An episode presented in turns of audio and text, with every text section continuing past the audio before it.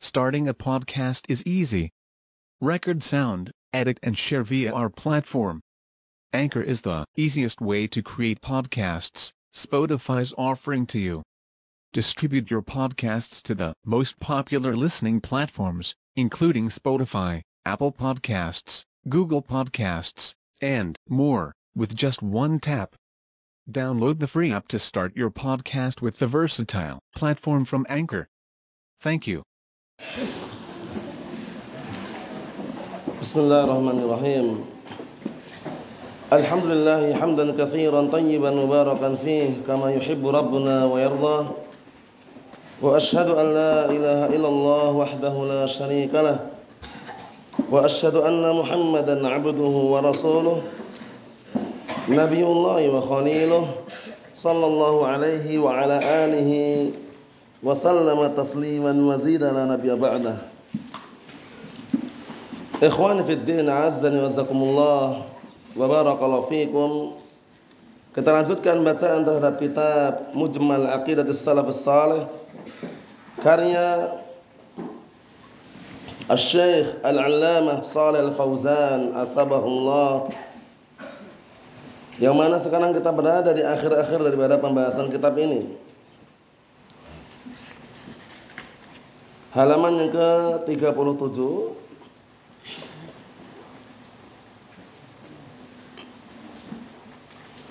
Qala al-muallif asbahullah Al-imanu bil qadar min usulil iman Beriman terhadap takdir merupakan salah satu pondasi landasan keimanan. Jadi beriman terhadap takdir merupakan landasan pokok daripada keimanan-keimanan yang ada. Oleh karena itu kita akan baca hadis Jibril at-Tawil. Syahid inti di dalamnya adalah pengulangan lafaz wa tu'mina. Kita lihat dulu. Qala al-muallifu astamahullah wal imanu bil qadari huwa min usulil iman. Dan beriman terhadap takdir ketetapan Allah Subhanahu wa taala merupakan salah satu dasar-dasar pokok keimanan. Kama fi hadis Jibril sebagaimana yang tercantum dalam hadis Jibril at-tawil annahu qala lin nabi sallallahu alaihi wa ala alihi wasallam bahwasanya Jibril alaihissalam saat itu berkata kepada Rasulullah sallallahu alaihi wasallam akhbirni anil iman. Kabarkanlah kepadaku tentang iman. Faqal. Kemudian Rasulullah SAW seraya menjawab al imanu an tu'mina billah wa malaikatihi wa kutubihi wa rusulih wal yaumil akhir wa tu'mina bil qadari khairihi wa syarrih. Perhatikan baik-baik ikhwan fiddin azza jazakumullah. Di dalam hadis ini ada pengulangan wa tu'mina. Di akhir hadis ada pengulangan wa tu'mina. Ketika Jibril alaihissalam bertanya kepada Rasulullah SAW tentang iman, kemudian beliau alaihissalam menjawab, iman itu adalah engkau beriman kepada Allah dan beriman kepada para malaikatnya, kitab-kitabnya dan para rasulnya serta beriman kepada hari akhirat. Kemudian ditegaskan lagi wa tu'mina. Dan hendaknya engkau beriman bil qadar terhadap takdir keputusan ketetapan Allah Subhanahu wa taala yang baik maupun yang buruk. Ditekankan di sini diulang barakallahu fikum karena banyak orang yang tidak beriman dengan takdir sehingga butuh penekanan bahwasanya kita semuanya wajib harus beriman dengan takdir Allah Subhanahu wa taala. Beriman terhadap ketetapan Allah Subhanahu wa taala. Yang baik maupun buruk itu dinisbahkan kepada zat yang ditakdirkan bukan dinisbahkan kepada zat yang menakdirkan. Bedakan adapun zat yang menakdirkan semua takdirnya baik. Karena di balik takdir tersebut ada hikmah. Adapun kalau dilihat dari zat yang ditakdirkan itu maksudnya manusia ditakdirkan jelek pandangan manusia jelek memandang takdir tersebut. Tapi kalau dinisbahkan kepada Allah Subhanahu wa taala semua takdirnya baik. Naam. Karena yang namanya takdir itu adalah apa? Sirrullahi jalla wa ala. Sampai-sampai digelari dengan apa? Sirrullahi azza wa jal. Rahasia Allah Subhanahu wa taala karena nggak ada yang tahu. Orang hanya bisa memprediksikan, memperkirakan, tapi kepastiannya takdirnya di tangan Allah Subhanahu wa taala. Wa kama fi qouli ta'ala dan sebagaimana di dalam firman Allah Subhanahu wa taala inna kulla syai'in khalaqnahu biqadar. Sesungguhnya kami telah menciptakan segala sesuatu dengan takdir. Semua diciptakan dengan takdir. Antum duduk di sini juga dengan takdir Allah Subhanahu wa taala. Semuanya tidak bisa terlepas dari takdir Allah Subhanahu wa taala. Bahkan disebutkan dalam hadis, kalau seandainya ada sesuatu yang bisa mendahului takdir, kalau seandainya ada sesuatu yang bisa mendahului takdir, niscaya apa? Niscaya al-ain, penyakit ain yang mendahului takdir. Tapi ternyata ain saja, penyakit ain itu saja apa? Terjadi dengan takdir Allah Subhanahu wa taala sehingga nggak bisa, nggak ada. Nggak ada sesuatu apa pun yang bisa mendahului takdir Allah Subhanahu wa taala. Ikhwani fi din azza wa kita lanjutkan. Wa kama fil dan sebagaimana datang dalam hadis, hadisnya Abi Hurairah radhiyallahu anhu, ihris ala ma yanfa'uka wasta'in billah wala ta'jiz kalau riwayat yang dalam Sahih Muslim itu adalah lafaz wala ta'jiz. Wala ta'jiz artinya apa? Bersemangatlah engkau wahai Nam seseorang terhadap perkara yang bisa memberikan manfaat kepadamu. Dan minta tolonglah kepada Allah Subhanahu wa taala dan jangan putus asa. Itu termasuk salah satu metode di dalam mencari ilmu harus semangat. Harus semangat kemudian apa? kemudian minta pertolongan kepada Allah Ta'ala. Jangan cuma mengandalkan semangat saja. Semangat dalam mencari ilmu bagus, tapi minta pertolongan kepada Allah Ta'ala harus.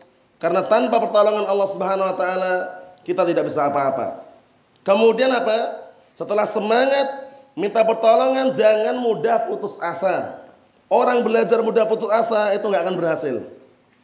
Jadi orang ketika belajar harus sabar. Paham ya? Jangan mudah putus asa. Kalau baru setahun, dua tahun, tiga tahun merasa belum bisa, akhirnya putus asa, wah anak nggak bisa-bisa, anak mau keluar aja, nggak benar. Kalau antum saksikan para ulama terdahulu, para ulama al-mutaqaddimun yang mereka bagaimana perjuangan dalam mencari ilmu, rehlah pergi jauh dalam rangka mengharapkan satu hadis, dua hadis, bagaimana mereka? Dan akhirnya mereka para ulama menjadi seorang muhaddis, menjadi seorang ulama itu bukan setahun dua tahun duduknya.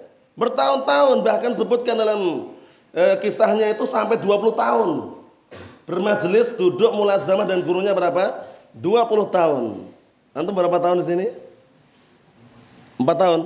Eh, masih kurang ya? Terus. Ya, na'am barakallahu fikum. Sampai 20 tahun bayangkan. Na'am barakallahu fikum menjadi seorang imam hadis. Satu kisah saja terulang-ulang kisahnya tapi nggak masalah sebagai motivasi untuk kita semuanya bahwasanya mencari ilmu pada asalnya tidak ada patokannya sampai sekian-sekian tahun namun ini hanya sekedar motivasi para ulama sampai mereka menjadi ulama menjadi orang yang berilmu menjadi muhaddis itu disebutkan di dalam sejarah para ulama itu paling minimnya 20 tahun duduknya. Yaitu kisahnya Muhammad bin Bashar. Muhammad bin Bashar seorang muhaddis namanya Harum sering disebutkan dalam kitab-kitab hadis. Qala haddatsana Muhammad ibn Bashar. Muhammad bin Bashar. Beliau sampai mendapatkan gelar bundar.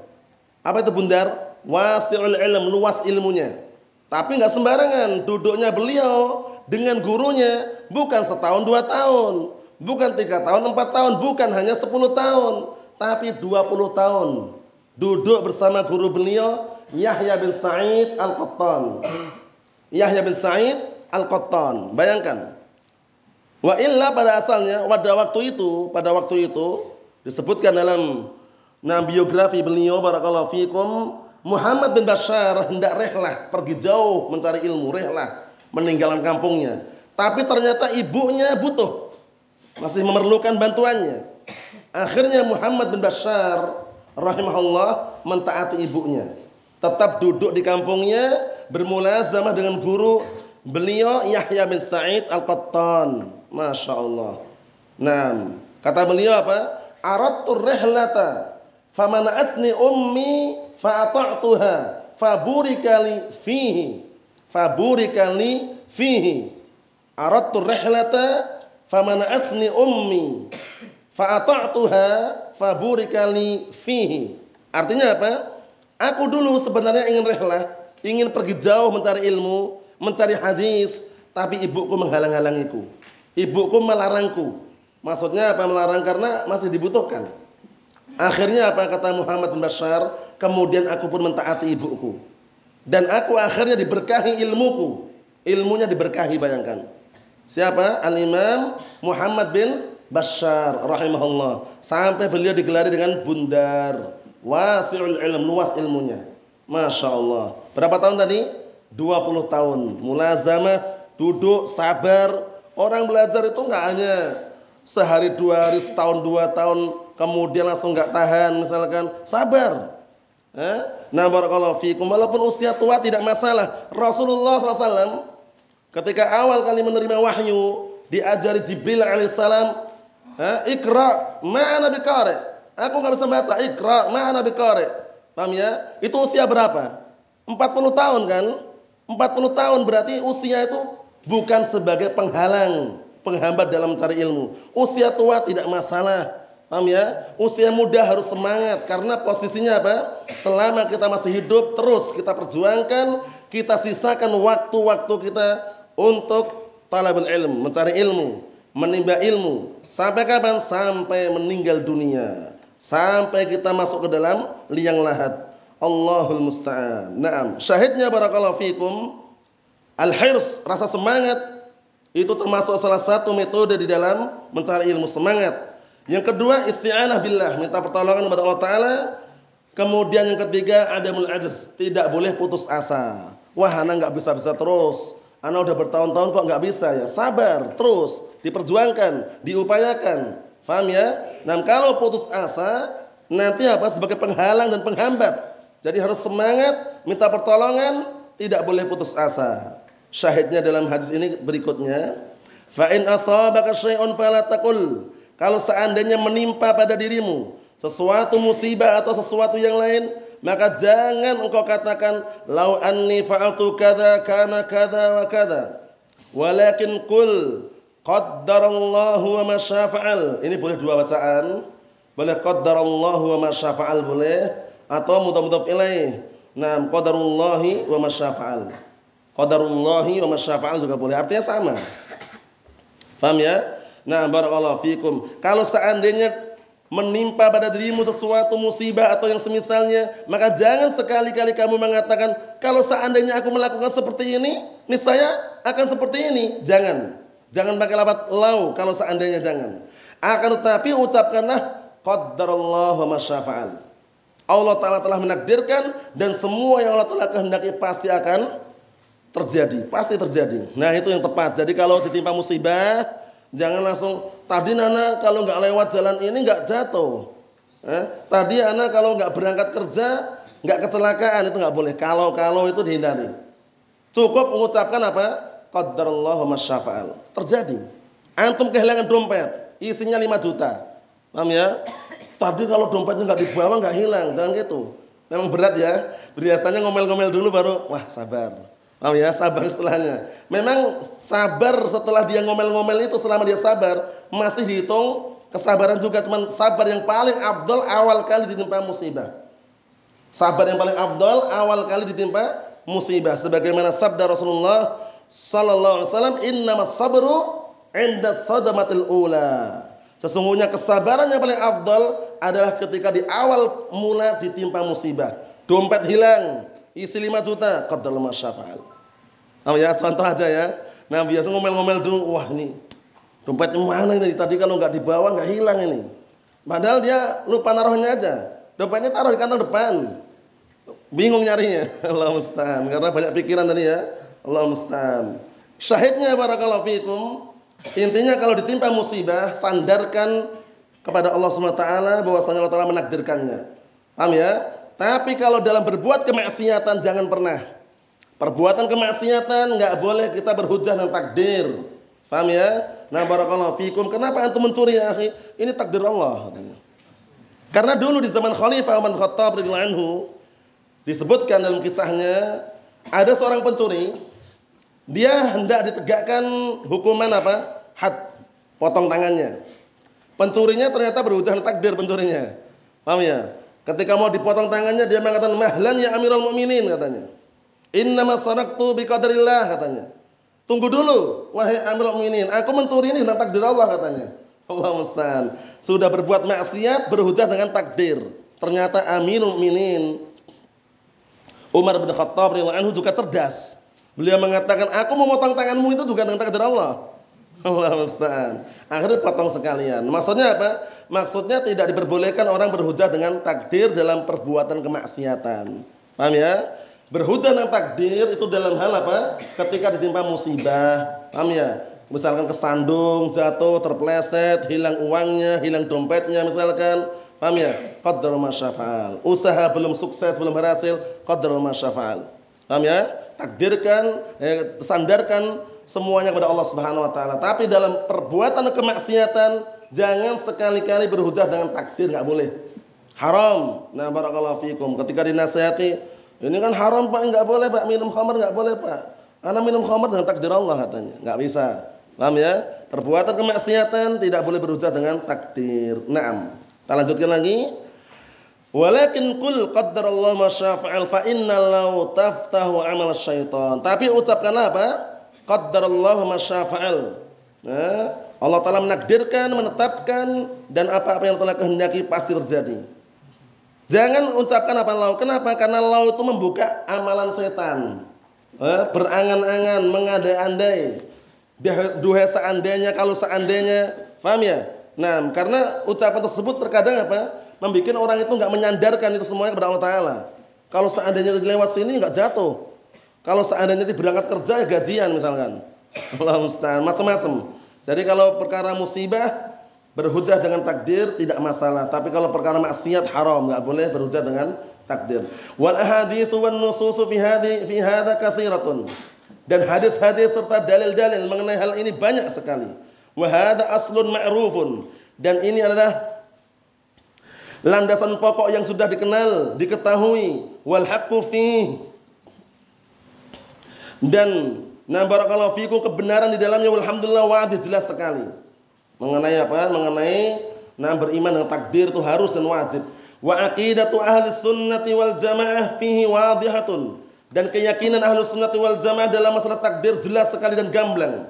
Wa mabniyatun wa mabniyatun ala ma jaa fil kitab sunnah dan dibangun sesuai dengan apa yang datang dalam Al-Qur'an dan As-Sunnah. Amma manin harafa an hadal asl. Adapun orang yang melenceng, menyeleweng dari apa? dari landasan pokok ini dalam masalah takdir sudah kita, kita lewati berkali-kali ya. Nah barakallahu fikum fa innahu innama utiya min qibali nafsi wa min qibali hawa. Hanya saja orang yang melenceng, menyeleweng dalam hal takdir ini dalam masalah takdir ini itu hanya saja didatangkan muncul dari dirinya, dirinya dia sendiri dan dari hawa nafsunya. Nah, wa i'raduhu 'anil kitab sunnah. Nah, barakallahu fikum dan sebabnya apa? Nah, karena berpalingnya dia dari Al-Quran was sunnah. Jadi kalau kita kembali kepada Al-Quran sunnah, tenang. Inna kulla syai'in khalaqnahu biqadar. Sesungguhnya segala sesuatu kami telah ciptakan dengan takdir. Selesai. Paham ya? Nah, tenang. Orang mau usaha, baru awal kali usaha kok bangkrut, dia tenang. Sandarkan kepada Allah Ta'ala, ternyata ini takdir Allah Ta'ala. Semoga ke depannya lebih baik dan bisa maju. Seperti itu. Karena kalau orang menyandarkan dengan takdir, itu akan tenang nantinya. Faham ya? Kenapa? Karena dia yakin bahwasanya itu semua sudah ditakdirkan oleh Allah Taala gitu ya. Enggak ada istilah nanti stres, kemudian pusing kepalanya, kemudian akhirnya bunuh diri itu enggak ada. Nah, barakallahu fikum musta'an. Kita lihat lagi. Kullu man hawala al-khuruj an dalalatil kitab was-sunnah fa innahu yaqau fid dalal. Allahu musta'an. Dan demikian pula setiap kali atau setiap orang yang berupaya untuk keluar dari dalil Al-Quran Sunnah, keluar dari penunjukan Al-Quran Sunnah, fa innahu yaqa'u fid dalal. Maka sungguh dia akan terjatuh dalam kesesatan. Orang kalau berpaling dengan dalil, berpaling dari dalil hati-hati. Eh, anak ulang-ulang itu biar semakin kuat ya karena beliau nasihatnya bagus sekali nih ya.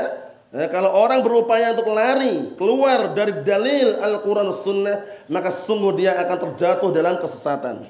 Eh, ungkapan siapa kemarin? Ungkapan Al-Imam Ibnul Qayyim Al-Jauziyah dalam kitab Madarijus Salikin wa man faraqad dalil dhalla an sawa'is sabil. Barang siapa yang berpaling dari dalil, sungguh dia telah tersesat dari jalan yang lurus. Dalil jangan pernah dilawan. Dalil sudah paling kuat sudah. Antum melawan dalil patah. Paham ya? Dipermisalkan dalil itulah gunung. Antum melawan berarti antum menanduk gunung. Antum tanduk gunung patah gunungnya atau tanduknya. Allah tanduknya patah ya. Nah, barakallahu fikum. Jadi jangan sekali-kali melawan dalil. Dalil itu walaupun dilawan seribu, enam seribu fatwa ulama nggak akan kalah. Fatwa ulama yang kalah kalau melawan dalil. Paham ya? Tapi kalau dalil walaupun satu saja, kalau Allah misalkan. Eh? Apalagi tambah kalau Rasulullah. Seribu fatwa ulama kalah. Paham ya? Karena fatwa para ulama masih dibutuhkan dalil. Ketika kita mengambil fatwa ulama, Bukan semata-mata fatwanya yang kita ambil, tapi apa? Dalil yang dipakai untuk berfatwa tersebut. Paham ya? Sehingga kita tidak didorong, tidak dikasih apa? Doktrin untuk taklid. Jangan pernah taklid. Jangan pernah mengekor. Tapi apa? Ikutilah dalil. Kalau ngikutin dalil tenang. Kita lihat berikutnya. Kama qala ta'ala sebagaimana perkataan Allah Subhanahu wa taala wa anna hadha sirati mustaqiman fattabi'uh wa la subula fatafarraqa bikum an sabilih. Artinya dan bahwasanya ini adalah jalanku. Ini adalah jalanku yang lurus. Ikutilah jalan yang lurus tersebut. Allah taala sudah menjelaskan jalan yang lurus. Al-Qur'an was sunnah ikutilah Al-Qur'an sunnah tersebut jangan kalian mengikuti jalan-jalan yang bercabang karena kalau kalian mengikuti jalan-jalan yang bercabang, niscaya kalian akan apa? Niscaya kalian akan bercerai-berai dari jalan yang lurus tersebut. Al-Quran sunnah adalah wasiat yang Rasulullah SAW wasiatkan untuk kita senantiasa berpegang teguh dengan keduanya. Jangan pernah terlepaskan Al-Quran sunnah harga mati. Sampai meninggal kita bela, kita perjuangkan, kita dakwahkan, kita amalkan. Paham ya? Berkata Nabi kita Muhammad SAW Inni tarikun fikum amrain in tamassaktum bihima lan tadillu ba'di kitabullahi wa sunnati. Sesungguhnya aku tinggalkan kepada kalian dua perkara. Jika kalian berpegang teguh dengan dua perkara tersebut niscaya kalian tidak akan sesat setelah aku meninggal. Apa itu? Al-Qur'an dan sunnahku berkata juga Al-Imam Malik bin Anas Imam Darul Hijrah dinukilkan dalam kitab Zamul Kalam wa Ahli Al-Harawi rahimahullah man aradan najata man aradan najata fa'alaihi bi kitabillah wa sunnati rasulih sallallahu alaihi wasallam. Barang siapa yang ingin selamat, maka wajib atasnya berpegang teguh dengan Al-Quran dan Sunnah Rasulullah SAW. Bayangkan, Al-Quran was Sunnah. Nah, barakallahu fikum. Dalam semua hal, antum berpaling, menyelisih dalil Al-Quran Sunnah, berseberangan dengan syariat Rasulullah, ancamannya berat. Wa man yushaqiqir rasul min ba'di ma tabayyana lahul huda wa yattabi' ghayra sabilil mu'minin nuwallihi ma tawalla wa nuslihi jahannam wa sa'at masira. Artinya barang siapa yang menentang Rasul, menyelisih Rasul setelah tampak di hadapannya petunjuk, hujah, dalil, argumen, ada dalil di hadapannya, dia lawan, dia tentang, kemudian dia mencari jalannya selain jalannya kaum mukminin. Apa kata Allah Taala? Allah Taala berpaling. Berpaling sebagaimana orang tersebut berpaling. Dan akhirnya orang tersebut dicampakkan ke dalam neraka billah yang mana neraka jahanam merupakan sejelek-jelek tempat kembali. Jangan pernah menyelisih dalil. Jangan pernah menantang dalil. Jangan pernah melawan dalil kalau sudah ada dalil di hadapannya sami'na wa ta'na. Karena Rasulullah SAW nah membawa wahyu dari Allah Subhanahu wa taala melalui malaikat Jibril alaihissalam. Al-Qur'an juga wahyu, As-Sunnah juga wahyu. Kalau menyelisih sedikit saja berbahaya. Allah taala berfirman dalam Al-Qur'an Karim, "Falyahdharil ladzina yukhalifuna an amrih an tusibahum fitnah aw yusibahum adzabun alim." Hendaknya orang-orang yang menyelisih perintah Rasulullah, syariat Rasulullah alaihi salatu wassalam berhati-hati akan ditimpa badannya suatu fitnah, bencana, bala, petaka atau timpa padanya adab yang pedih. Jangan pernah menyelisih dalil. Jangan pernah berlawanan, berseberangan dengan Rasulullah sallallahu alaihi wasallam karena akan sesat.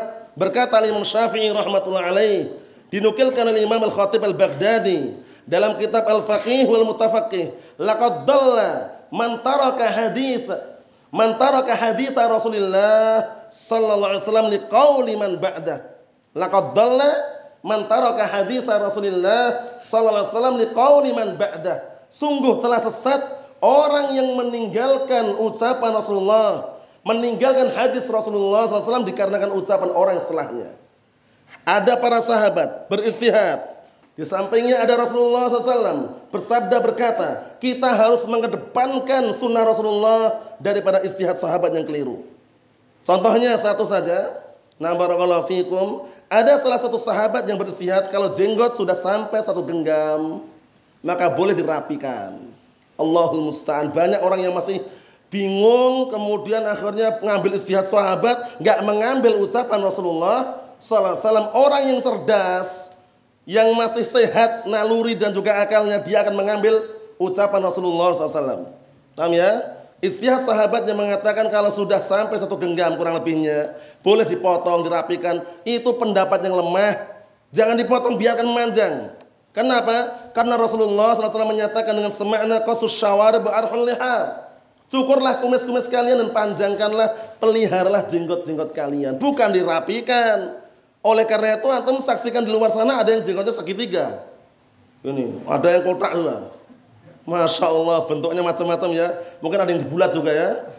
Jangan, panjang biarkan. Jangan digini-gini kan, wah dah satu genggam nih. Potong. Dosa. Allah musta'an. Kenapa dosa? Menyelisih perintah Rasulullah sallallahu alaihi wa ala wasallam. Ini kan istihad sahabat Ustaz. Lah ini ucapan Rasulullah. Milih mana coba? Kalau anak milih setiap sahabat berarti dia nggak berpikir. Dia milih milih setiap sahabat. Milihlah ucapan Rasulullah sallallahu alaihi wa wasallam wa khairul huda huda Rasulillah sallallahu alaihi wa ala wasallam. Itu dalilnya itu. Sebaik-baik petunjuk adalah petunjuk Rasulullah sallallahu alaihi wa wasallam. Jangan bermudah-mudahan anak ngikutin istihad sahabat kok. Mengikuti istihad sahabat kalau benar nggak masalah. Tapi kalau berseberangan dengan dalil Rasulullah SAW, berseberangan dengan apa yang Rasulullah sabdakan, harus kita kembali kepada Rasulullah SAW. Paham ya? Jangan pernah dengan alasan kemudian istihad sahabat, istihad sahabat, Rasulullah ditinggalkan. Nabi antum siapa? Nabi kita siapa? Nabi kita sahabat atau Rasulullah? Rasulullah SAW ikutilah Rasulullah SAW. Ya?